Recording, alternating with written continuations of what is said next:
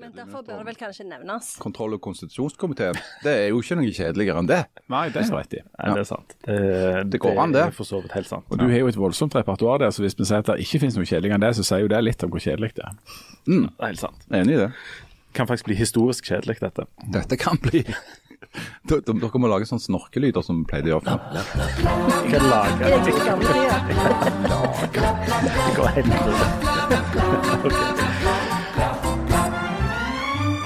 Vi har vært i Sauda og blitt skitne på hendene og litt eh, skitne i sjelen. Vi må innom Taylor Swift og ga seg en tur. Vi skal også snakke om tidenes beste norske TV-serie. Nei, ikke offshore med Mia Gundersen, men Makta med Gro. Dessuten, Janne er tilbake i toppform. She's back. She's back.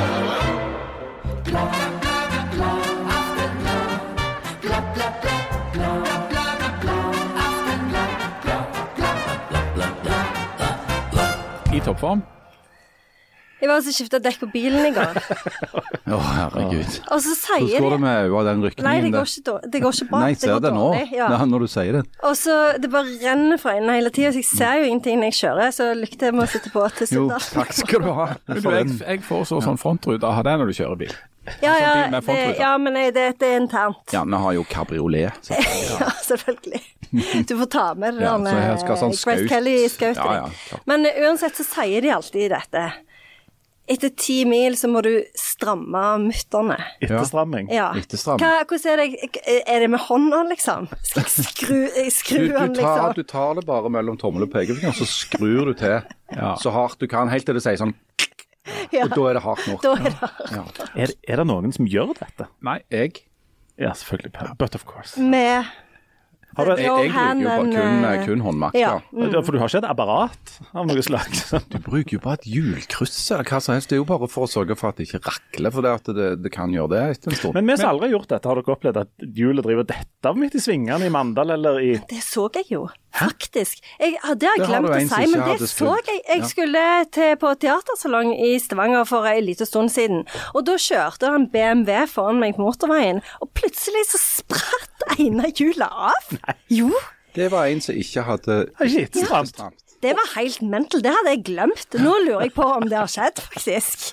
Det er klart det har skjedd. Dette Ja. skjedde jo da Det var skikkelig sånn Ja. Og så bare hoppte det hjulet av gårde. Det var veldig dramatisk. Så jeg bare kjørte forbi. Ja, ja, du stoppet jo selvfølgelig ikke. Nei, jeg kunne jo ikke bidra med noe. Leave every man behind. Men, men, hvor, hvor var det dette skjedde? Ne, Du vet når du har kommet gjennom den der eh, Er det sånn kulvert det heter, eller heter det ikke det når det er above ground? Ja. Eh, mot eh, Stavanger, der med den der rundkjøringen hvor du kan kjøre inn i den der Til Røldal. Ja. Alle veier går til Røldal. rett før der. Og det er altså Kulverten med Mosvatnet vi snakker om. The very same. The very same. Mm. Og der skjedde dette inne i Kulverten. Nei, rett utenfor kulverten. Og hva skjedde akkurat med Altså, det dekket bare spratt av gårde, da. bare whoosh, kan jeg si- nede i Mosvannet. Altså, det var liksom bare helt traff en svane. Ja, det gjorde det. Jeg kan si og det er for- den svanen for de som- du fikk til bursdagen. For de som ikke ser er noe her nå, så har altså eh, Janne blitt såpass agitert at hun rett og slett tok av seg Jon For jeg hadde glemt, Fosse-skjerfet sitt og for jeg hadde det, glemt det. la det ned nå. Altså, Det var jo er en dramatisk eh. tildragelse. Ja. Men dette preger vel store deler av teatersalongen, da? Nei, jeg glemte det med en gang. Jeg kom ikke på det før nå, faktisk. Her var det et menneske i nød, og skjedde drama. Det sto et menneske i nød der, hun kjørte rolig videre. Jeg så videre. litt i speilet speil om det så ut som noen andre eh, stoppte, men det var jo ikke så mye du kunne gjøre, for det dekket, det var jo liksom det, Kan du ikke skru det på igjen med håndmakt? Regner jeg med, Harald? Eller Jeg jeg vet kunne ikke. gjort det da, Du kunne gjort Han har et apparat. Men det, det står jo i skriften der om at så kom det en litteraturprofessor forbi. Brydde seg ikke, bare gikk videre. Så Altså, unnskyld meg. Det er vel et eget sånn bibelord om den barmhjertige litteratur, eh, nei, språkviter. Ja. Men det er noe annet. Iallfall ikke Janne, for å si det sånn. Men da hadde den BMW-en altså kjørt i 11 mil, så nå må du bare gå rundt og huske hva kilometertelleren sto på, sånn at du har en sånn alarm. Ja, det var, altså, for det var nettopp det. Altså, jeg kjenner jeg får vondt i nakken av å tenke på det, for det er liksom sånn Det var ikke bare det at jeg ikke vet hvordan du skal skru til de der mutterne, men òg liksom ti mil. Du vet hvordan en mutter Ti mil! Janne, du vet hvordan en mutter virker. Ja, det er jo akkurat som en kork. Ja, Det er sånn kanter på den, og så bruker du noe, og så skru. Ja, men jeg vet jo ikke hva vei jeg skal skru. Det er alltid mot klokka. Mot sommeren. Ja, det vet jeg jo ikke hva er. det, det, det er når du stiller I klokka. don't know it. med klokka, må du holde opp. Det er en av de to. Altså, du har 50-50 sjansen på å treffe. Det er mot sommeren. Du har tatt livet av folk, du, mot klokka. Ja, Det ja, var du som skrudde på den der Han i BMW-en. BMW-en der har stått sånn mot klokka eller med klokka. Nei, det er mot sommeren, og så har han løsna. Ikke at, vi har noe, at, ikke at vi har noe program for denne podkasten, men, men eh, sto dette For jeg tenker alltid at det er sånn omvendt psykologi. Sånn at det alltid er det motsatte av Ja. det du tror det Ja. er. ja. Ja. Nemlig. Du løsner jula istedenfor. Dere vet at eh, bare for, eh, Siden dette var hovedtemaet vi skulle innom i dag, at dere alle eier jo kjøkken. sant? Dere vet at eh, en, en skal gå en gang i året og etterstramme alle skruene på kjøkken. Hæ? Hva slags skruer da? Skruen den på Alle, alle disse tingene som, kjøk, som holder i sammen sånn skapdører og, og alt sånt, det skal gå Hengsler Ja. Og og håndtak og sånn. Gjør ikke dere det? Jo da. Jeg tar alltid fram eh, kjøkkenskrua og skrur til. Er det en Braco-en? Ja, det er en, bra, det er en brakoen. Og den, en dag i året så skal du, skal du gjøre det som heter teita.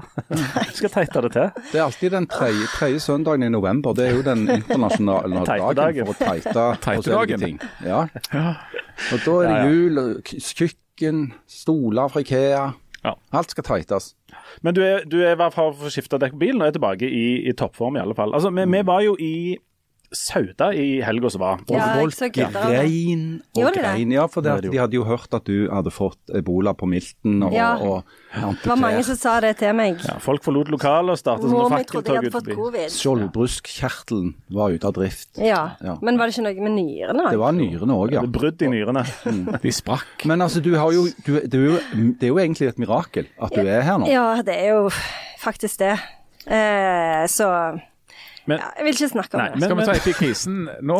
Nei, Nei. den tar vi, den tar vi litt Vi må spre, altså, spre det litt utover. Men det du gikk glipp av, da, det var jo å se eh, nokså mange vekttall eh, suse rundt i et smelteverk, blant annet. Og vi hadde altså For det første hadde vi en alle tiders kveld eh, i eh, Folkets hus i Sauda, og så hadde vi en, eh, rett og slett en ordentlig sånn eh, runde og sightseeing og, og eh, for å se eh, Men på kan jeg spørre ting dette? Ja. For dere var jo på det der smelteverket. ja. Hva, så dere Saurons øye? Var det i smelteverket? Ja, det Ja, gløder. Ja, Det gjør det, ja. ja. ja. Ja, det. Ligner faktisk veldig. Mm. Men det, det var jo en um, eh, det var jo en, er jo en sjelsettende opplevelse å besøke en sånn plass som dette smelteverket. Ja, altså det, det er jo sånn at eh, i Norge da, så driver en og lager og lever av altså sånne ting, da, forskjellige ting. Eh, og sånn som jeg, jeg har jo et, fremfor alt et teoretisk forhold til verden. Det meste jeg vet om verden, det har jeg jo lest en eller annen plass, i en bok eller en avis eller på en eller annen nettside. Og da er det fascinerende å komme inn en plass der de faktisk lager et eller annet konkret. Jeg har vært en gang på en oljeplattform. Det er det jo de færreste forunt å, være der. Det er jo det som har skapt eh, Norges rikdom. Men, men det, og, og, og det blir framstilt som en sånn, sånn Der står en masse folk sånn overhall og blir fulle av olje, og, og det spruter og det ser greit sånn eh, grapsete og, og konkret ut. Men egentlig så er det jo høy teknologi på, på enormt høyt nivå. Men der å komme inn på sånn fabrikk som smelteverk, det er jo, har du jo sånn eh, Kjartan Fløgstad-aktig forhold til at det står noen folk der med noe sånn spett eller sånn som krav eller stikker inn i et eller annet, og så gnistrer det og røyker det, og så er alle skitne og forteller sånne lange historier med, som er grove. Men der også er det jo det var, for, for det første så var det nesten ingen folk der inne. Altså, for det jobber jo nesten ingen folk der. På det meste så jobber det 1300 stykk på det smelteverket, nå jobber det 160. Eh, eh, men det er jo teknologisk og avansert på et nivå som jeg eh, ikke eh, ante det var. Eh, så det, men så er det det der konkrete med det. Når du står på sida av ei gryte der det er noen tonn med smelta metall som ligger og koker, da kjenner du den helt konkrete varmen av produksjon. Du ser bulldoserne, du ser det helt konkrete som blir lagt. Og Det er fascinerende for en enkel, kar, en enkel akademiker fra Bryne.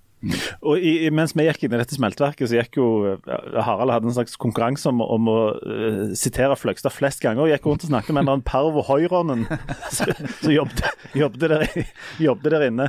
Og- Jorma Tørminen. Jorma Tørminen, ja. ja. Men um, for det, det, det er jo, vi har jo, som Jan sier, et litt sånn teoretisk forhold til altså Vi føler vi vet alt om, om smelten og pilten og alt dette her fordi at vi har lest en bok om det, eller noen som har skrevet et sammendrag av en bok og sånt. Så, Hva, hva er denne fabrikken? Altså De færreste har jo vært der. De Ja. fleste har sett bilder av det, gjerne vært ut forbi. Mange men, har sikkert hørt at, at det er noe industri i Sauda, Ja. eh, men det er nok ikke så mange som har et konkret forhold til hva det dreier seg om. Altså, det det dreier seg om, det er at den fabrikken i eh, Sauda den lager mangan, som er et metall eh, som utvinnes av eh, malm som er tatt opp av ei gruve i Gabon i Afrika. Eh, og Fabrikken i dag eies av et stort internasjonalt fransk konsern som heter Eramet. De eier òg den gruva. Uh, den Tusenvis av tonn med denne malmen blir da frakta fra Gabon til Sauda. Lossa av skipet. Utsatt for enormt mye elektrisk eh, strøm og diverse kjemiske prosesser, som til slutt fører til at de kan eh, helle ut flytende mangan. Mangan er et metall som er helt uh, fullstendig avgjørende for verden. fordi at Uten mangan så kan du ikke lage stål av en sånn kvalitet som trengs for å bygge f.eks. en bil. Uh, og Den produksjonen i Sauda den er nok til å lage store deler av de bilene som er produsert hvert år i Europa. Så dette er en gigantisk globalisert industri som bruker enorme mengder elektrisk kraft og slipper ut enorme mengder med CO2. Smelteverket i Sauda er det tiende største punktutslippet av CO2 i Norge. Det aller største er for øyeblikket Melkøya eh, oppe i Hammerfest, og det nest største er Snøhvitfeltet i, eh, i Barentshavet. Eh, så, så, vi snakker om det, det, er liksom Hver gang du er på, på Eramet eller en annen sånn industri, så blir du klar over hvor enorme tall vi snakker om. Det er tusenvis av tonn av det, og millioner av tonn av det, og trilliarder av watt sant, som trengs. Eh, men, men, det er, som Jan sier, så er det på en måte både veldig konkret. altså Prosessen for å lage dette greiene er omtrent den samme som den var i 1923, når de starta driften, akkurat for nøyaktig 100 år siden eh, i Sauda. Eh, men teknologien um, har blitt ekstremt mye mer effektive. Sånn at kvaliteten på det de lager er mye bedre, og de kan lage mer av det de lager med mindre folk enn før.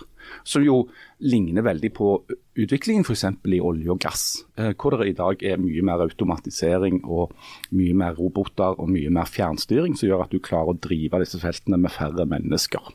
Og, så er det jo det, det er helt fascinerende. for Sauda ligger jo da helt innerst i en fjord, langt bortgjemt oppe i Norge en annen plass. Det er en liten plass. Men samtidig så er det da et slags sånn, nærmest brennpunkt for en hel drøss med enormt svære ting. Altså Det er en global plass. altså Denne, denne mannen ble frakta inn med skip fra Gabon. Det er jo helt ubegripelig i seg selv. Og så er det da, det var noen amerikanere som grunnla det, Union Carbide eh, fra USA. Det er, liksom, den, det den globale kapitalismen som kommer inn der og, og, og, passer inn akkurat der, fordi at det er høye fjell og mye nedbør. Så det er altså mye, mye kraft. da. Eh, og, og, der har du overgangen da fra jordbrukssamfunn altså til industrisamfunn og, og til oppbygging av på en måte, Du kan tolke inn hele halve utviklingen nærmest av, av arbeiderbevegelsen og politikken av i Norge. dette her.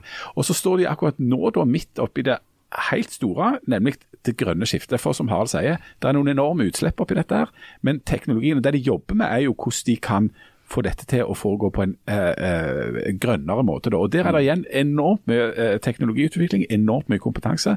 Han, han eh, Direktøren som viste oss rundt, altså, han, han, var jo enig i at grunnen til at dette ble etablert i Sauda, eh, var de høye fjellene og all nedbøren, altså krafta.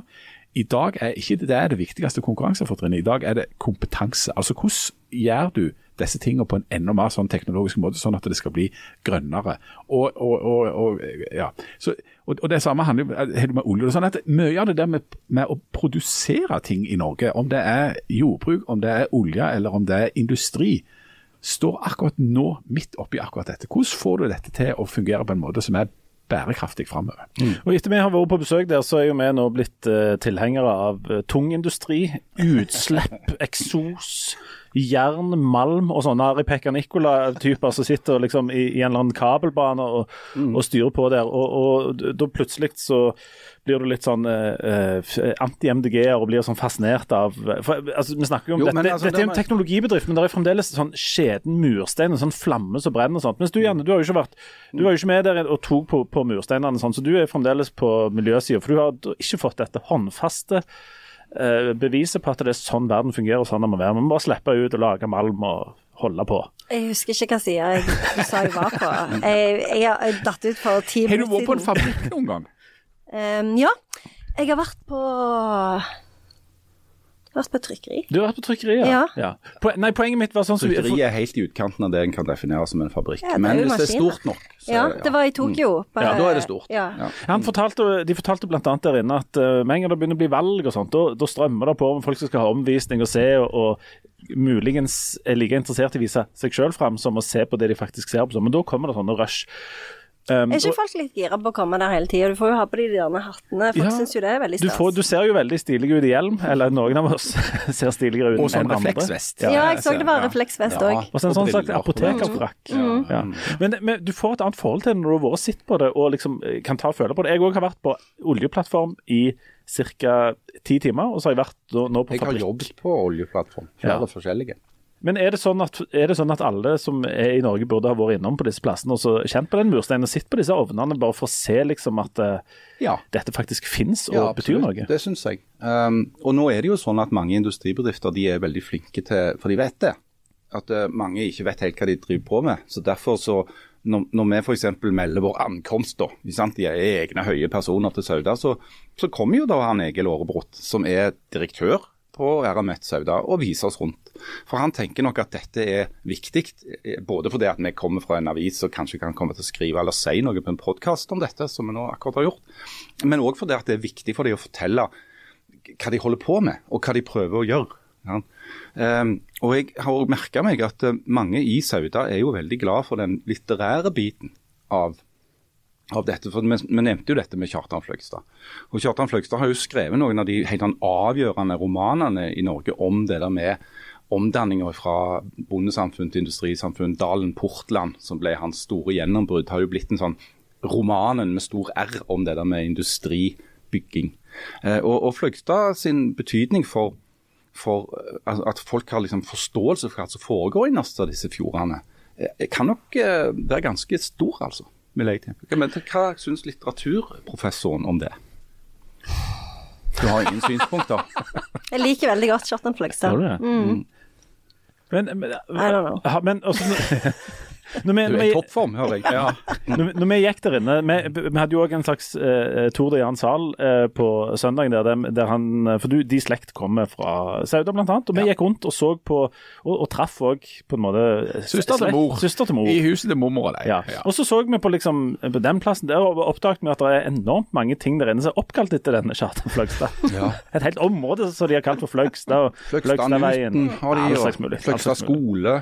Men der gikk vi jo da rundt og så på, på hvordan um, altså, eh, hvordan Sauda ser ut. Det er jo det er et spesielt område. Det er ganske mye interessant sånn, kultursosiologi der inne um, som um, både sier noe om hvordan ting var, men òg litt om hvordan ting fremdeles er, kanskje. Ja, altså det er jo et eh, og det, Jf. at vi skal snak, senere snakke om makt, da, så, så er det noen paralleller der. Men altså Sauda er jo da eller var jo da et av de tydeligste klassesamfunnene som kunne finnes. Altså Når Union Carbide kom der og, bygde denne her fabrikken i, mellom 1915 og 1923, så var en del av dealen at de skulle bygge byen. Så de bygde altså en hageby.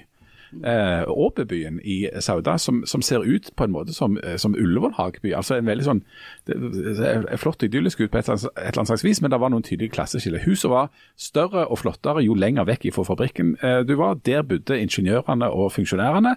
Og så jo nærmere du kom fabrikken, altså Røyken, så eh, delte de huset av enda mer. De var litt kjipere, sånn at nederst mot fabrikken der var det fire familier som delte på ett hus. Og Vi var jo inne og så eh, der òg, altså i, i Ryfylkemuseet. Eh, og det gikk fire skift på, på fabrikken. Men, men, men du, altså i, i, I topografien, holdt jeg på å si, i geografien, så kan du se klasseinndelinga. Arbeiderklassen og, og arbeiderne, de som, som er nederst på gulvet, de bor også nærmest fabrikken. Jo høyere opp og vekk fra røyken du kommer, der bor overklassen, eh, eller de som, de som er en annen klasse. Vi var jo også på besøk på klubben, da, som var en, et eget sånn svært, svære, flott festsal som ble bygd. Men der var det bare det, herrer som hadde tilgang, selvsagt. Egnede. Ein, og som måtte være egnede herrer. Og Der fortalte jo han som viste oss rundt en helt rystende og konkrete historie om, Kristian Landro, hei. ja, hei, Hei, hei. om en guttunge som, eh, som da kom og var invitert på eller som trodde han skulle på juletrefest på denne klubben. da, Ungene skulle få gå på det, men ble altså stoppet i døra og intervjua om hva foreldrene gjorde. Fordi var dette et barn av egnede foreldre til at han skulle få komme inn på klubben. Det seg at eh, Hans eh, foreldre var jo ikke ingeniører eller funksjonærer, men de var lærere. Men det fantes to ulike skoler. Den ene var den egnede skolen, og den andre var vel yrkesskolen, som da eh, ikke var egnet. Så da var lærere OK, ja, men hvilken skole jobber de på? Ja, nei, de jobber på yrkesskolen. Nei, du får ikke komme inn. Og, og så det, Dessverre så forteller det til, blir det fortalt tilsvarende historier fra Folkets hus, som da var arbeiderne sitt eh, tilsvarende lokale, hvor funksjonærunger ble avvist av samme grunn, da, at de kom fra feil lag i samfunnet. Eh, og For de arkitekturinteresserte så er det jo en eh, veldig sterk forbindelse mellom Sauda og Stavanger. Fordi at hovedarkitekten bak dette såkalte byanlegget i Åbebyen var Gustav Helland. Den kjente eh, Stavanger-arkitekten som bl.a. har designa Folken, som mange vil kjenne igjen fra Løkkeveien i Stavanger. Eh, og Hvis du ser Folken og Folkets hus i Sauda, så vil du se, se ganske umiddelbart at her er den samme mannen som står bak den såkalte nyklassisistiske stilen. Ja. Men dette klassesamfunnet gjorde òg at denne typen plasser i Norge fikk en egen politisk eh, logikk. Eh, Så det er der arbeiderbevegelsen står sterkt, det er der Arbeiderpartiet står sterkt. I Odda så var det kanskje enda mer radikalt. Altså at, at liksom, men det, var, det var sterke eh, sosialistiske, kommunistiske og arbeiderpartistrukturer der. og Derfor så eh, er hovedregelen i Sauda at ordføreren skal komme fra Arbeiderpartiet. Det har gjeldt med unntak av en fireårsperiode nå nettopp. Åtte år, faktisk. Åtte år Mm. Så, så, så er det Arbeiderpartiet som styrer der. Og vi møtte jo han òg. Ja. Vi Vi møtte uh, Håvard Handeland. Hei, Håvard. Eh, Hei, Håvard. Eh, som uh, først, da etter å ha knust uh, Harald 10-3 i en, uh, en allmennkunnskapsquiz Som var rigga. Overhodet ikke rigga. Eh, så eh, var vi med han òg ut. Han viste oss rundt. i, Ja, han var vel med oss, for han var ikke gammel nok til å komme inn. Nei. sånn at vi måtte ha han han hadde en slags vergeordning. ja, ja. Eh, han er, Vi skulle på puben. vel, så det var møte i Edruskapsnemnda i Sauda på en, en pub. De traff vi. Der var vi. Felix. Felix. Ja, på Felix. Og jeg må bare si, jeg, det kan være at jeg på et tidspunkt kjøpte en båt av eh, formannen i Edruskapsnemnda. vil- Ja, hvordan går det Nei, jeg vil gjerne benytte meg av angreretten på det. Ja. Og Og med hun fra Stålastraumen har vi heller ikke fått helt klarhet. Så hvis noen har noen oppdateringer der, så vil vi Elida fra Stollastraumen. Elida, er du der ute? Ja. ja. Men, men det interessante med han som er da ordfører i Sauda, illustrerer noe annet som er, som er veldig interessant med Sauda nå. Han er altså 19 år eh, og har blitt ordfører. Altså det er, Men det er han jo altså landets yngste eh, ordfører. Men det at det finnes 19-åringer i Sauda som ser syn på å bli buende der, og ser syn på å utvikle den bygda, det er en sjeldenhet. Altså, Sauda er jo nå da en, en, eh, et veldig tydelig eksempel på det som er et av de store problemene for bygdene i Norge. Sauda har den høyeste gjennomsnittsalderen på innbyggerne sine, lærte vi av Håvard i løpet av den kvelden. I Rogaland, ja. Eh, som han, ja, i Rogaland. Han sa at de sliter på ingen måte med utflytting. Ja, det får de godt til. Den får de voldsomt godt til. Utflytting skjer der i massevis. Det de sliter med, er innflytting. Um, sånn at, sånn at det, det er aldrene, altså alt, alt det som er et problem i Norge, er enda mer ekstremt et, et problem i Sauda. Rett og slett med en aldrende befolkning, med at folk reiser derifra. Det er ikke nok folk til å, å, å utføre de tjenestene som, og, de, og de jobbene som skal gjøres. Er, å gå gjennom sentrum der var ganske trist. Det er veldig mange eh, ledige næringslokaler. Så hvordan i all verden snur du det? Eh, det er med klarer å tiltrekke seg en del folk fra liksom hele verden, da, for, for, jf. denne kompetansen, men, men det er en utfordring rett og slett å få folk til å reise inn der og bosette seg. Men det er, er noen folk der, og vi, vi klarte jo òg med nød neppe å, å unngå å bli med på en spontantur til Vinje med, Ja. med den edruskapsnemnda. Ja, Eh, Den Edruskapsnemnda hadde veldig mange forslag den Ja, kvelden. ja. Ja. Men jeg tror vi dodged the bullet der når det gjaldt å ikke være med til, til Vinje. Og så var det jo en ting òg som var helt sånn karakteristisk når vi var inne i Sauda. Det var at det ble spilt julemusikk 24 timer i døgnet der vi bodde. Mens der vi eh, spiste og drakk kaffe, der spilte Back to the 80s. Ja, Phil, mye Phil Collins. Og Limal med Never Ending Ja, Story. jeg har aldri vært, Etter å ha hørt så mye julemusikk, så har jeg aldri vært, blitt så glad for å høre Phil Collins. Men så var det et lite unntak. La dere merke til at, eh, at du, du Harald, hadde kanskje gått, men på et tidspunkt så dukte det altså opp helt ny musikk av Taylor Swift. En liten glimt av Taylor Swift, og det bringer oss altså inn i ja, Er det Jannes hjørne? Ja, det er vel Jeg vil si det. Ja. Ja. Men ja, Det kommer jo an om, om, om Janne har tenkt å si noe. Jeg har jo ikke sagt noe. Nei, for, for det, ja, det er Jeg har bare vært én gang på Sauda. Har du det? Ja. I, på, på Sauda. Heter det ikke det? Nei, i. I Sauda. Okay. Oh, ja. Men Taylor Swift, eh, det er mye Taylor Swift i monitor. Ja, det Er du med? ja. Hvorfor er det mye Taylor Swift i monitor, ikke bare i Sauda, men på en måte i, i resten av verden? Det er jo fordi at eh, Taylor Swift hun har jo eh, nettopp eh, lansert den siste nyinnspillingen av eh, et av de virkelig store albumene sine, som heter 1989. Um, og eh, i tillegg så har jo hun gitt ut en konsertturnéfilm som heter The, fra The Eras Tour, som på kort tid har blitt den mest sette konsertfilmen Altså ikke den mest sette, men den mest innbringende eh, konsertfilmen noen gang. Um, og så er det jo dette For forrige uke så ble hun jo billionær. Som jo er Er det det samme som milliardær? Jeg er jo ikke så god på tall. Jeg tror det er det samme som milliardær på amerikansk. Ja, men ja. det er amerikansk er dollarmilliardær, da. Ja. Ja. Og da eh, så, så, så Taylor Swift, hun, og, og hun er jo liksom Hun er jo det største eh, popkulturelle fenomenet akkurat nå. Så det er jo liksom Eller som Jan sa, aldri hørt om det. Aldri hørt om det, ja. Du må jo Jeg, hørt har- det. jeg har hørt om det, jeg har bare hørt noe av det. Men jeg skjønner ikke det hvordan det går an å ikke ha hørt noe av henne. Men, eh, det er noe så, men sånn, så, for det, jeg er jo ikke sånn kjempeinteressert i langrenn, men jeg har jo hørt om Peter Northug, liksom. jeg har hørt om Taylor Swift. jo, men jeg har jo òg sett. Ja, men jeg har jo sett han liksom sikkert gå på ski på et eller annet tidspunkt. Jeg, har Jeg har, hørt, det. jeg har hørt masse på Taylor Anyway, Swift. ja. Men uansett, så, så det er liksom Og det, så, det som er så interessant med, med Taylor Swift, er jo at hun er jo eh, Altså, hun kom jo ut av covid med et bang. For det at det, før covid så var hun jo litt sånn Hun var jo kjempepopulær, men det var liksom litt sånn, Det var liksom ei bestemte målgruppe. Men etter at hun ga ut de der eh, albumene som heter Folklore og Evermore, eh, som ble produsert av han Aaron Dessner i eh, eh, The National, så nådde jo et mye, mye større publikum. Sånn at nå er liksom Nå er det world domination faktisk for Taylor Swift. Um, og det som er så interessant med hun, det er jo at det, hun, hun har jo òg altså det der eh, power movet som hun har gjort med og For hun hadde jo alle de albumene hennes, altså mastertapene, ble jo eh, kjøpt av en som heter eh, tror han heter, hva han heter Scooter Braun. Og han Scooter, det er et navn. Ja, det er jo eh, Harald kjenner jo godt til Scooter. Scooter. Ja. Det er ikke han samme, da. Nei, Det er broren. Men ja. Scooter er jo typisk sånn asshole name Ja, det i. USA, ja. Eh, og han, eh, han Så det endte jo opp med at han, for hver gang noen hørte en Taylor Swift-sang på eh, Spotify eller hvor som helst Så sa det bing i kontoen hans. ja, mens, eh, og da, bestemt, ja, og da bestemte hun seg for at jeg spiller inn alle albumene mine på ny.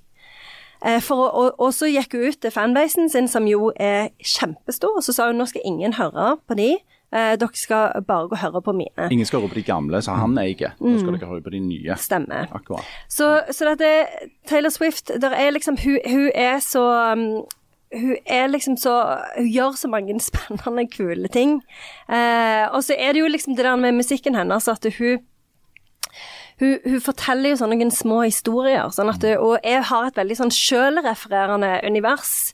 Eh, og eh, som eh, en litteraturforsker, jo, som jo jeg er, Språkforsker. eh, så syns jeg at det er veldig fascinerende eh, med, altså sånn rent litterært, med det universet De som hun har skapt seg. De sier jo at det er derfor hun hele tiden eh, gjør det slutt med kjærestene sine, for å ha noe å skrive sanger om. For det at nesten, eller veldig mange av sangene hennes handler om eh, et eller annet som har blitt slutt med en, en type. Og så Mm, og så- det stemmer. og så er hun så enormt altså, innflytelsesrik. Hun har jo hatt noe på gang med en amerikansk fotballspiller nå. Ja, Så heter det liksom Travis et eller annet. Ja, et eller annet. Ikke skuter, Så ingen men- hadde hørt om ja. Men der, før det. Og, der begynte det jo å komme folk, enormt mye sånn folk fra nye segmenter på noen av disse fotballkampene som egentlig ikke var interessert i fotball, men de var interessert i å se om Taylor Swift dukker opp i en eller annen sånn losje for å se på han her. Så hun, altså, hun er blitt ekstremt innflytelsesrik, og særlig med disse nyinnspillingene av de platene, så har hun jo på en måte tatt litt sånn rotter på systemet. Det er tjent seg søkkrike. Ja, helt sykt mye penger. Og så skal jeg bare si en ting til, og det er jo at for det òg gjennom den turneen hennes altså for Vi snakker om at det er jo en egen økonomi rundt denne turneen.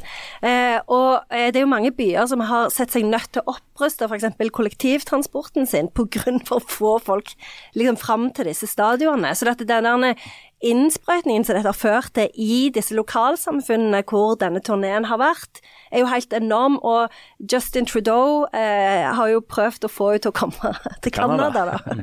Av byer, byer i. USA som sliter litt, trygler og ber om å få Taylor Swift-konsert. Mm. Eh, og Det var en kjempeinteressant artikkel i jeg tror det var i New York Times eller noe i den duren, om på en måte Taylor-økonomien. Altså, hun, hun, er jo, Mm. Hun er jo en sånn me mellomstort land. Eh, Ja, det det. når hun drar omkring, ikke sant? med sine tusenvis av ansatte. Noe større og- omsetning enn Bangladesh eller et ja, eller det er et eller annet helt sykt. Altså, denne, denne jenta som, òg skriver alle sangene sine helt sjøl. Tekst og melodi.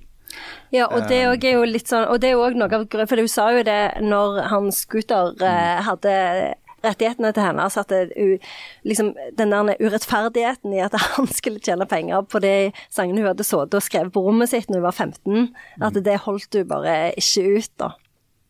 Det, og hun skal jo da komme sikkert til Majas neste år, tror du ikke det? Eller til Ja, hun skal jo bare ha eh, Nå kommer jo Eras-turneen til Europa, eh, og hun skal jo eh, Den eneste eh, plassen i Skandinavia hun skal turné, er jo Sverige. Hun skal jo Eh, på og- of Rock, ikke sant? Og så på den Allsang på grensen. Ja, hun skal varme opp for eh, Brus i Bergen. Ja, det er sant. Ja. Men det er jo litt sånn, eh, for det er jo òg noe som de har snakket om i forbindelse med den Eras-turneen, dette her med at eh, billettprisen har jo gått opp sykt mye på eh, konserter i det siste. Eh, og det er jo eh, folk som som betaler liksom 3800 dollar for én billett eh, til disse konsertene. Så det er jo òg noe som er et problem, da. Eh, at eh, at en lurer på liksom, er det sånn at konserter nå har blitt noe som er bare til sånn 1% nærmest? Ja, altså jeg, I motsetning til Jan så har jeg hørt veldig mye på Taylor Swift. For det at jeg har en datter, hei Ingrid, eh, som hører på denne podkasten, som eh, i mange år erklærte seg som en såkalt Swiftie. Har du hørt det uttrykket? Ja, det har jeg hørt. Ja, hun var en Swiftie. Men på et eller annet tidspunkt så ble ikke det kult nok lenger, så da slutta hun med det. Eh, men nå tror jeg jeg har begynt igjen. Men dette må jo, alt må jo knyttes til Sauda og til Kjartan Fløgstad. Det er akkurat det. eh, univers. Alt kan knyttes til Sauda. For et av de store spørsmålene i vår tid, hvis vi skal opptatt av det faktiske, mm. det er jo hva skal vi leve av etter olja? Altså, det var en overgang fra jordbrukssamfunnet til industrisamfunnet. Da ble det utvikla en industrikultur, men den industrikulturen er jo nå gått videre til å bli kulturindustri. Å, det er flott. Så det vi skal leve av framover, det er å holde konsert for hverandre og klippe hverandre. Og Men, lage men eh, oljefondet kunne jo kjøpt Taylor Swift. Ja, de de kunne de kanskje nei, kjøpt én konsert eller noe sånt. 15 000 Men- milliarder, det er ja. det det koster for en konsert nå. Men jeg syns jo det er jo veldig fascinerende det der med hvordan hun klarer liksom å rebrande seg sjøl hele tida. For det er jo sånn så eh, Hun var jo først country, så klarte hun den overgangen til pop, som jo er veldig få som klarer. Via Og så- countrypop. Ja. Og så ble hun jo veldig sånn eh, eh, Veldig fort en sånn en litt sånn hata eh, figur, fordi at folk var veldig sånn Eh, satte hun hele tida inn i konflikter med Først var det jo med Kanye og The Kardashians, og så var det med Katy Perry. Og, og det er jo en veldig sånn Det er en sånn type hersketeknikk som hun òg har tatt veldig sånn sterk avstand fra. At hun er jo veldig sånn eh, opptatt av eh, sånne strukturelle hersketeknikker. Og, og jeg tenker at det òg er en veldig sånn kule ting med Taylor Swift. fordi at det, eh, Sånn som Madonna, eksempel. Hun, hun er jo like stor som Madonna var nå på 80-tallet. Men jeg synes at det, sånn som for meg syns jeg alltid jeg, eh, likte Madonna veldig godt, men Madonna var aldri en sånn en feminist, et sånn feministisk forbilde for meg. Fordi at, eh, Og det er jo mange som har snakket om Madonna på den måten, at hun liksom representerte egentlig aldri feminisme. Hun var jo en, slags sånn frigjøringsikon på mange måter, fordi hun, hun eh, brukte jo seksualitet veldig mye og representerte frigjøring på den måten. Men, men Taylor Swift for unge kvinner i dag er et mye, et mye større sånn uttalt feministisk forbilde, da. Men Taylor Swift sexer det jo ganske godt opp hun Ja, også når hun holder konsert. Ja, men si. ikke, ikke på den måten, så hun er mye mer sånn eh, eh, Sånn som eh, Britney Spears var jo òg en sånn en person, eller sånn en artist som delvis markedsførte seg som The Girl Next Door, men med et sånt seksuelt tilsnitt. Men det er mye mindre av det Mm. hos Taylor Swift. Det er veldig interessant etter å ha sett at det blir produsert store plater av mangan, mens altså uh, Taylor Swift hun, det hun, Hun produserer, det hun lager, det er strukturelle hersketeknikker og feministiske ikon. Ja, men altså Det er det som blir det, produsert, Det er selvsagt, en, en kan jo liksom eh, En kan jo selvfølgelig si at det, ja, eh, og det er kjempeviktig å lage Mangan. mangan og whatever. eh, eh, og det er jo klart at det, alt har sin plass under himmelen, som det står i, i Uten mangan så kunne jo ikke Taylor Swift bygd en scene å stå på. Nei, det kunne jo ikke. Nei, men uten Taylor Swift så hadde vi ikke hatt bruk for manganen, for da, da hadde vi ikke trengt bil å sitte og høre på musikken i. Nei. Sant? Så- alt så- henger sammen med alt. Ja. Det, Men jeg tror, jeg tror på en måte at Taylor faktisk Swift det, altså. er en større altså omsetter sikkert for mye mer enn smelteverk i Sauda. Ja. Ja, klart det gjør Garantert. det. Jeg kan fortelle en eh, kjapp har- historie før vi tar pause. og Det er at det, jeg så eh, det en familie, eller en, eh, en familie i, i et familieprogram. En familie i USA de hadde, hadde ei datter på som var sånn fire Noe sånt. Og de, I USA er det jo vanlig med sånn college funds. altså du må rett og slett, Foreldre må spare, Spare, penger. spare til utdannelsen til ungene. Mm. Og denne familien hadde to forskjellige sånne eh, typer fond. Det ene var et sånn vanlig collegefond, og så hadde de eh, Taylor-fond. Fordi at De hadde innsett at dette var i ferd med å bli så sinnssykt dyrt at de måtte sette av penger. Men målet der var at når denne jenta var stor nok til å gå på Taylor Swift-konsert, så skulle de ha spart opp nok penger til at de tre kunne gå, reise en eller annen plass og se Taylor Swift. Eh, så det var litt sånn halvparten i college-fond og halvparten i Taylor Swift-fond. Så så viktig var det. Og du har jo sett veldig mange så når den, Mens den Eras-touren har, har gått eh, eh, sin gang i USA, så har du jo sett at det er veldig mange fedre som har blitt Swifties. Ja, det er det. det er veldig koselig. Det er vakkert, det er vakkert å se på. Det kan jo være de er blitt det fordi at de var nødt til å følge en datter. Ja, det er jo en 100 derfor. Ja, men så tenkte jeg oi, dette var jo ganske Ja, bra. ja. For det, det jeg har Helt tenkt enig. med på Taylor Swift Mm. var, jeg, I begynnelsen tenkte jeg ja ja, det er country, countrypop, helt greit. Men de siste platene så har jeg tenkt oi, dette er jo sånn ekte bra. Liksom. Ja, det er det. Litt sånn som Billie Eilish. Det er sånn kjempebra. Og når vi snakker om store turneer, for dere som hører denne episoden veldig veldig tidlig, så er vi på turné i, i Ryfylke på onsdag, torsdag og fredag. Altså i eh, Sand, eh, Hjelmeland og Jørpeland. Og det er, det er, det er nesten på Taylor Swift-nivå, i hvert fall når du gjerne er med. Jeg, Sant? jeg, jeg, jeg grugleder meg, for det at uh, sant? Å komme til Suldal og skal holde live podkast, da, da har jeg høye skuldre. Så det, det er alvor. Da er det alvor. Det er alvor. Ja. Så, eh, så vi, vi ser dere der. Eh, Hvis dere ikke kan se Taylor Swift, så kan dere i alle fall se oss. Nå må vi ha en liten pause før vi gyver løs på de siste tingene. Vi er snart tilbake.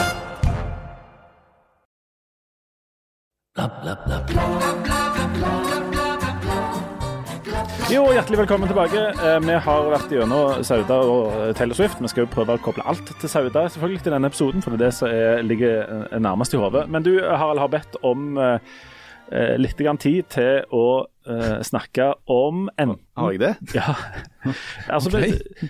tenkte, Hva er det folk vil ha? Er det informasjon om kontroll- og konstitusjonskomiteen? Eller det er det jo. Ja. Fordi mens vi sitter her, vi, vi skal ikke snakke mye om dette, for mens vi sitter her, så, så er det høring Ja. nå. Uh, og det er, det er spennende, da. Oh, ja, det er veldig spennende. Det er fascinerende, faktisk. Ja. For det at i morges så Eller jeg, jeg er i gang. Ja, for, Ja, for dette, ja. Man kan være ærlig og si at dette blir spilt inn på tirsdag. Ja, det gjør det. Dette blir spilt inn på tirsdag. Uh, og mens vi nå sitter her i denne krypten i, i kjelleren eh, nederst i, i the dungeon under Stavanger Aftenblads lokaler i Stavanger, så er det et drama som utfolder seg i Stortinget. I høringssal nummer én. Der har kontroll- og konstitusjonskomiteen satt stevne for å intervjue Det var faktisk en ekte gjesp. litt mindre enn én tidligere statsminister, én nåværende statsminister og fire eh, tidligere og til dels nåværende statsråder.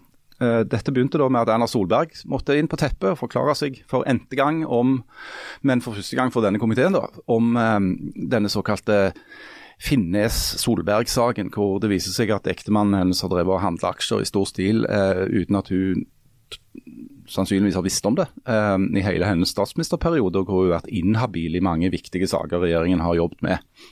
For noen dager siden så konkluderte jo Økokrim med at dette ikke var en sak for de. Eh, det betyr ikke at det ikke er en sak for kontroll- og konstitusjonskomiteen, for det de skal vurdere er jo dette med habilitet og tillit osv. Eh, og utover dagen i, dag, da, altså tirsdag, så vil eh, Tonje Brenna være inne på teppet. Hun er jo fortsatt statsråd. Avgått kulturminister Anette Trettebergstuen skal inn på teppet. Avgått eh, høyere utdanningsminister Ola Borten Moe skal inn på teppet. Og hvem er den siste nå igjen som ble ramla hengt, litt ut, jeg. jeg som blir hengt til tørk? Er Odd Roger Enok. Nei, Anniken- Anniken Anniken Huitfeldt. Anniken Anniken Huitfeldt, Huitfeldt, tidligere utenriksminister, som òg har en mann som har drevet og handla aksjer, skal inn. Og helt til slutt, som en slags eh, rosin i pølsa, så skal da de to eh, nåværende og tidligere statsministrene, eh, Jonas Gahr Støre og igjen Erna Solberg, inn og forklare seg om hvordan regjeringene de har ledet, har forholdt seg til alle disse habilitetsutfordringene. Så det som folk eh, som eh, meg f.eks. er spent på nå, det er jo hva kommer til å skje etterpå? Hva slags type kritikk kommer Stortinget til å rette eh, mot disse forskjellige? Eh, for det at eh, Det blir det sendt rundt sånn spørreskjema, da, hvor sterk kritikk vil gi? Litt kritikk, ja, det- det- det som ganske er litt mye sånn, kritikk, mye eh, kritikk, svært Litt sånn kritikk. uforståelig for meg, og sikkert for mange andre òg, det er jo dette med det der språket. For der kommer dette med språk inn, Janne. Det er utrolig mange er rare måter å Couldn't care less. For eksempel hvis de, har, hvis de skriver en 'Stortinget ser alvorlig på', da må du gå av. Oi. Mm. Men hvis de skriver eh, 'Stortinget syns det er sterkt kritikkverdig', da må du ikke. Couldn't care less-formuleringen, kan den brukes? Stortinget kun care less. jeg merker meg det at Janne sin nye approach til å være med i denne podkasten, det er bare å snakke om det hun har blitt bedt om å snakke om. Ellers har hun ingen meninger om noen ting. Hun bare gir faen. Eh, så det er jo greit. Og smiler. Det er Notert, det er notert. Men Eh, men altså, det, det er noe med at språket her betyr enormt mye. Altså Hva de kommer til å bli enige om og mene om hva de forskjellige har gjort, har utrolig mye å si. For det at i denne sammen, sammenhengen så er, betyr ordet alvorlig. Det, det er det verste som kan skje. Sant? Det, det, det er verre det enn å si at det, det er sterkt kritikkverdig, f.eks. Men Det er ikke så alvorlig. Men du, dette Og Det må jo du på en måte vite, for det er ikke logisk. Nei, nei, nei. Dette kommer de jo ikke til å bli enige om. fordi at eh, Oppfattelsen av det som skjer inni det rommet, der kommer jo til å være preget av hvem du er, og hvem du liker og hvem du ikke liker. Og styrt av makt. Er det ikke sånn? Jo. Og det var et desperat forsøk bare på å komme oss vekk fra sånn kontroll- og konstitusjonskomité til å snakke om for det, Men det er makt i det rommet, sant? Ja, det, enormt med makt, Ja. ja. Og, og det skal prøve å, å renses opp og sånt, og så kan de komme med da eh, ulike former for kritikk. Um, dette minner jo litt vagt om, om uh, det vi må snakke om, og det er altså denne TV-serien Makta. Alle har sett den. Ja. Makta. Er det noen som ikke kan fordra den? Nei. Nei. Hvor bra syns dere den er? Jeg syns jo det er tidenes beste norsk TV-serie. En sånn klar sekser, liksom. Ja, solklar. Mm. Er dere enige eller uenige? Jeg syns òg det er enormt bra, og så er det mer interessant å diskutere rundt Ja. den. ja. Jeg er mer på en sånn fem. Du fem, Janne? Couldn't care less. Jeg syns det var ganske sånn interessant å se kontrasten, fordi eh, det var jo den siste episoden av Side om side Ja, eh, denne uka. Med han der kumle, Ja, ja, han der som har vært her noen ganger. kumlehateren. Ja, han er jo ganske løgn, da. Ja. Men eh, eh, jeg synes, Vi har jo ikke sett det, altså, selvfølgelig, Jeg vet ikke hvem som har sett Side om side i det siste, men Jeg har aldri sett en Jeg har sett episode. det. Ja, jeg har sett det før, da, men jeg har ikke sett det nå eh, nylig. Så, men det var, det var så hjelpeløst. Altså, det er liksom sånn, Jeg vet ikke hvem de skal prøve nå engang. Og det som provoserte meg aller mest, det var jo eh, at de, det er noen som er på cruise. Og så se, Ja, bare, altså, vi satt jo og snakket om makta, men, nei, nå, men nå jeg- snakker du om noen du har jo snakket om smelten i fuckings 25 minutter. Ja, ja, okay, ja, ja. Kanskje jeg lager kan en liten Jo, ja, intro for jo, dette? absolutt. En intro, ja? Flott. Og så er det noen som facetimer, liksom, um, som er liksom sånn Ja, nå er vi på cruise, og vi må gå fordi Kate Bush går på scenen om fem minutter. Kate på Bush på fuckings cruise. I jo- don't think so. Det har jo gått litt utfor, utforbakke med Kate. Så nå, nå synger hun mye på danskebåten og Kiel-ferja og sånn. Siste Så det er liksom sånn Det er en serie som Jeg vet ikke hvor mange som ser på den, men sikkert ganske mange. Og de har brukt null Altså, de har liksom brukt null ressurser. Altså, de, har- jeg vet ikke om det er ChatGPT som har skrevet Men så, mens denne her makta, da. Som jo er Dette liksom eh, Det ble jo prega av, av lidenskap, at en liksom eh, Sånn som du sa, eh, Leif Tore, tidligere, det er en sånn en anarkistisk holdning her som er veldig sånn kul og forfriskende. Så jeg syns det var veldig fascinerende å se de eh, Sammenligne de to seriene, hvor noe av det dølleste av det dølle og dette her med ganske sånn spenstige nye. Fordi Men jeg, tror, blod, jeg tror det er flere som ser side om side enn makta. det er det nok, Ja. men, men blodet bruser på en annen måte i denne Makta-serien. sant? Altså der, der koker det litt. Og sånn som Jan sier, det er mange interessante ting å diskutere der som er, er noe annet enn sånn er det kjekt og er det bra og sånt. Eh, For noen år, for noen år siden så satt jo eh, alle med veldig mange vekttall innenfor de, særlig Ring 2 i Oslo og diskuterte den sånn virkelighetslitteratur og sånt. Og, og hva, hva var lov å skrive om ting som var nesten sant og helt sant og litt sant og kanskje ikke sant og dikta opp og sånt. Og det, Her er vi litt sånn i, i samme lende. Det vel det du tenkte på? når du Ja, det, tenkte på det er jo sånn? blant de tingene. For det, for det er jo um, interessant og, og sannsynligvis ikke uventa at noen eh, reagerer på hvordan folk blir framstilt her, rett og slett. Eh, og Den siste og, og, og mest humørløse er, er jo da altså Torbjørn Jagland, eh, som mener at det burde være mye mer kritikk mot eh, framstillinga av en del av disse folka her. Og det, og det blir, det, altså ja, Han blir nå fort litt sånn humørløs. Men, men det, er, det illustrerer et dilemma eller noe interessant rundt fiksjon eller rundt framstilling av historiske drama. Det gjaldt litt for det gjelder for The Crown, og det gjelder det var en film som heter Atlantic Crossing, men nå gjelder det også for, for noe her.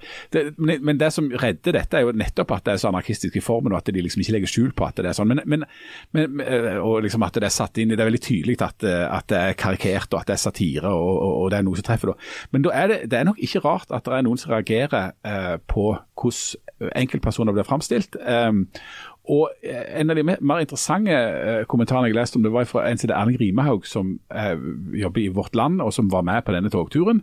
og som, som sier at det er han, han, mener at det er det blir ikke helt, altså, det er seierherrene som har skrevet denne historien. Altså, Det var Gro som vant, men hun blir framstilt som om det bare er liksom huset oppegående, og så er alle disse mennene rundt henne bare framstilt som helt sånn udugelige eh, løgnasser og alkoholikere. Det hadde vært interessant, bare for å skjønne det, dette gjør ikke Rydhaug, mm. hvis det var motsatt. At det var en hel drøss med damer, så var det bare én mann og han var, han, han var, rett og ranke, og det var kjempebra. Ja, men da hadde samfunnet sett helt annerledes ut. ja. så, ja, og, men, men, så er det, så det, det er Gro som vinner. Etter henne kommer jo Jens Stoltenberg, som var Gro si, eh, sin mann, og etter det så kommer Jonas Gahr Støre, som også var Gro. Og, og Der ligger det noe, jf. Jens Hauda, med klassesamfunnet. Reilf Steen kom fra arbeiderklassen. De, de, de, gamle folk og de gamle mennene som blir eh, framstilt sånn det blir gjort nå, de kommer på en måte ifra arbeider... Eh, og sosialisme og altså noe annet. Mens hun er utdannelse, Bygdøy, New Public Management. Harald? Eh, siden Janne ikke gjorde det, så føler jeg sterkt behov for å bruke et fint ord. Eh, postmodernisme. Oi, oi, oi. Altså Det der med at eh, det, det, er, det, er, bare en masse fortellinger. Alt, ingenting er vanskelig å definere hva som er sant. Uh, og jeg tenker De på en måte, de har jo en sånn postmoderne programerklæring. De sier at denne serien er bygd på sannhet, løgn og dårlig hukommelse. Altså eh, et slags sammenbrudd i den der forestillingen om at nå skal, nå skal vi fortelle deg noe som er sant. Eh, og det, det syns jeg er veldig interessant. for det er sånn eh, jeg er enig med Jan i at her er det en sånn historiefortelling på en måte som handler om at det er vinneren som skriver historien. Men samtidig så er det en sånn Alt er egentlig litt sånn ja, oppe til debatt. ikke sant? Altså, Skjedde dette, skjedde det ikke, er det sant, er det ikke sant? Var det sånn, var det ikke sånn? Det, og, og, de lar det på en måte bare henge der. Og, og, og, det at de bare gir helt blaffen i at det skal være autentisk, f.eks. Det er ikke noe eh, Det skal være i 1974, men det er spark, elektriske sparkesykler, og folk ringer i mobilen. Og, altså, det er helt sånn anarkistisk, og det syns jeg er enormt stilig. da. Eh, og Når det gjelder sånn som Jagland, så syns jeg eh, VG hadde en ganske fin take på det når de eh, lagde en sak på at Jagland var sure. Så, så begynte de med å skrive at listen over folk som reagerer på at en satirisk serie bruker satire, blir stadig lenger.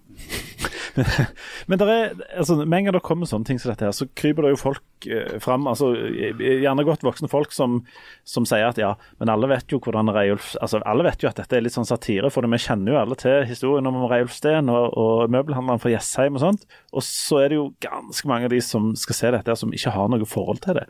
Og Det er jo alltid en fare for at sånne ting som dette her altså at det er sånn etterlatt inntrykk av at det var sånn det var. Og Det er vel det som er et av de problemene liksom, litt sånn, som legger seg opp mot virkeligheten. At selv om det skal være sånn underforstått at ta dette med en klype salt, så er jo det ganske vanskelig for mange. Altså, folk ja. vil jo ha, når, når folk tenker på Reiulf Steen nå, så vil de jo se Jan Petter, altså han Røise, så spiller han, og en litt sånn uh, drukkenbolt som sliter med nervene og, og, ikke får ting til og, og er sleip og fæl og sånt. Ja, jeg er helt enig, og jeg syns liksom at det, der, der, har du jo liksom Men der, det har de håndtert på en ganske sånn gøy måte, med ikke bare sånn som så Harald sier, med liksom den der int, alle de epigrafene med liksom at det, hva dette er basert på, men òg mellom Altså i måten eh, historien blir fortalt på.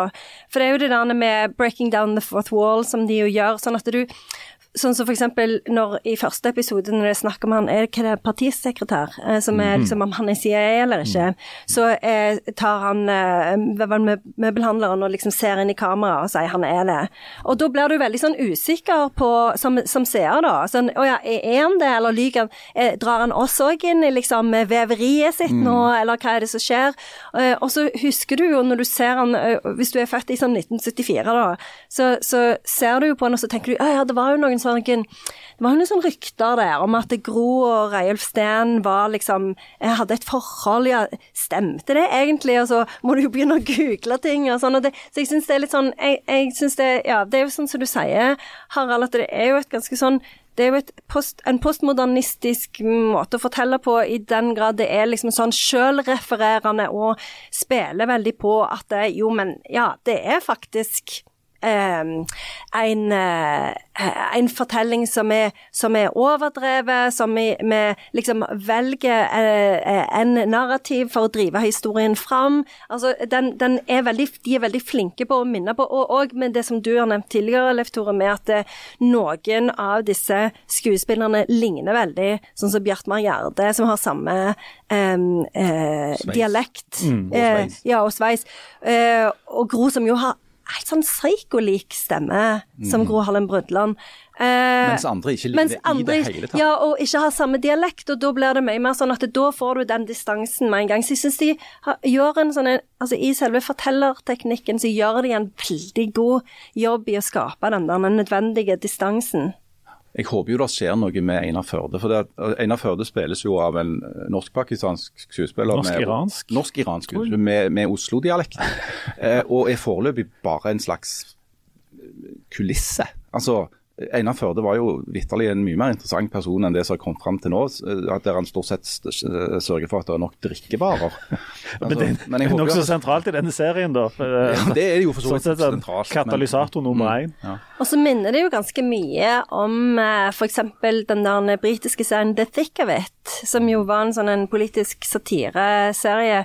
Eh, men den er gøyere fordi at det er liksom Du har hele dette her historiske bakteppet som mm. svirrer i hodet ditt, eh, og så tenker du liksom Men den er veldig bra, den du sikker vet. Ja, den er veldig bra. Det er så utrolig mm. bra banning. Mm. Ja, den er veldig bra, den serien. Men ja, for det, altså Faren, hvis en skal være sånn alvorlig i det, er jo at folk tror at noe var sånn fordi de sitter på TV. Altså at folk tror at eh, historien om det britiske kongehuset er nøyaktig sånn som det ble framstilt i The Crown, eh, som altså ikke stemmer.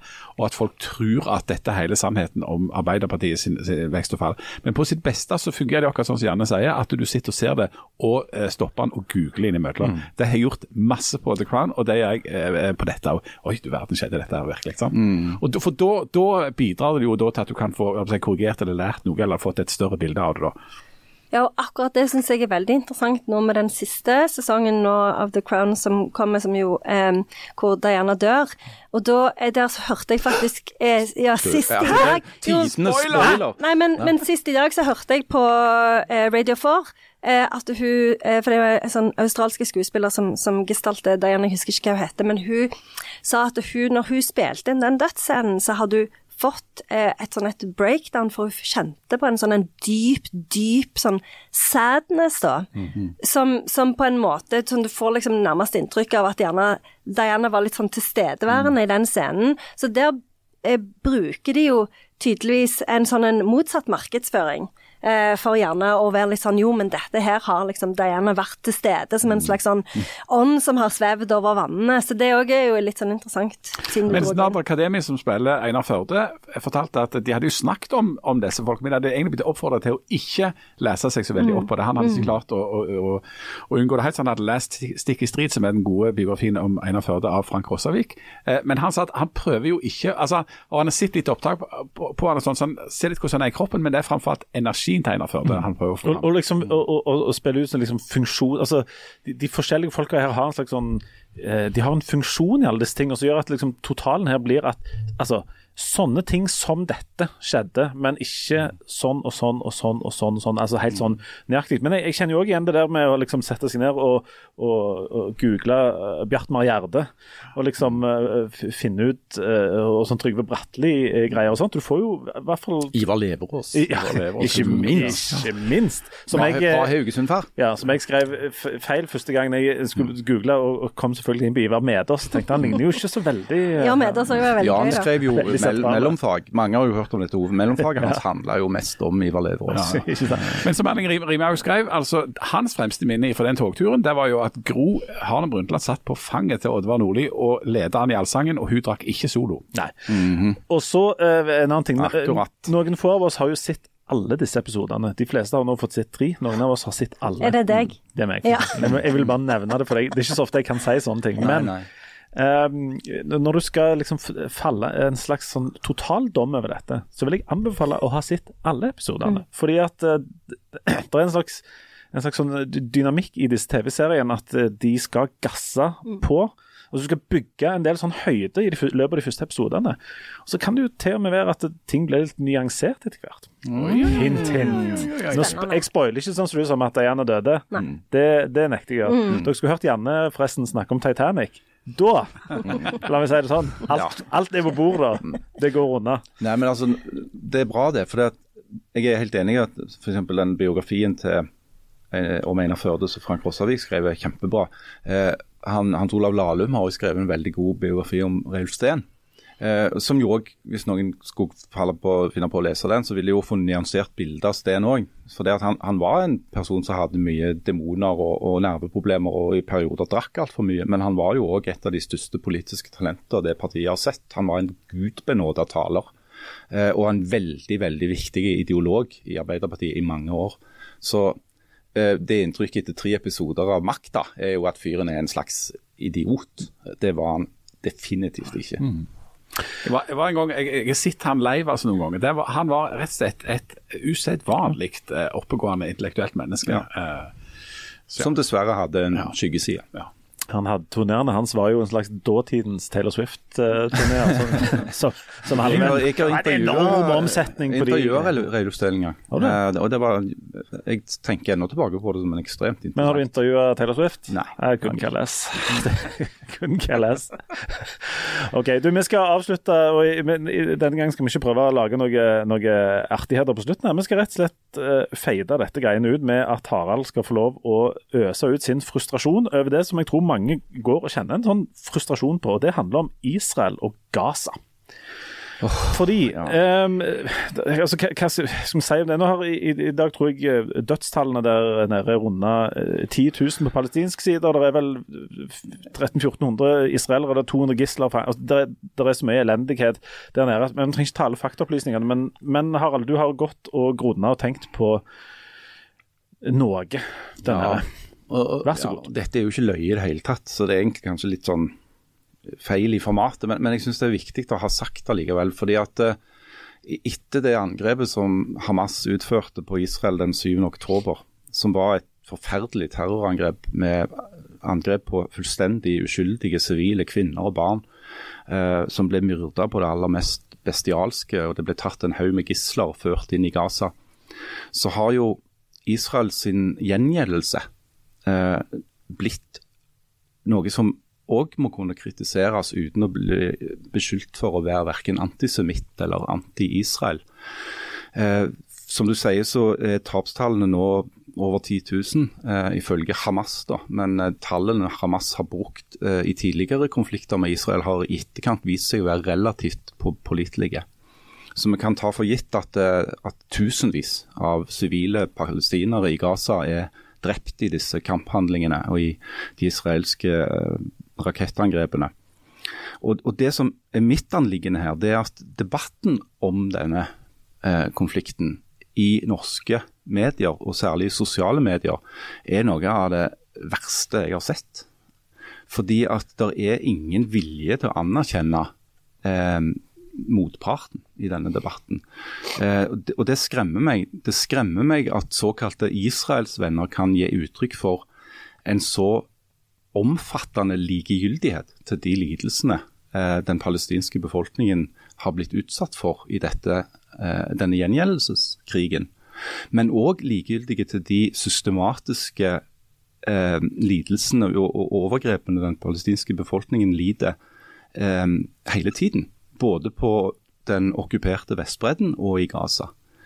Eh, at kan at du kan ha en sånn type sortering i hodet ditt som gjør at eh, du har en enorm medlidenhet med de israelske eh, og, og utenlandske ofrene for Hamas sin terror, men en, kne, altså en fullstendig fravær av empati med mennesker på den andre siden av denne konflikten, eh, bekymrer meg dypt. Tilsvarende bekymrer det meg dypt at såkalte palestinavenner ikke heller later til å klare å sortere i hovene sine og si at det, det er faktisk sivile på den andre siden òg.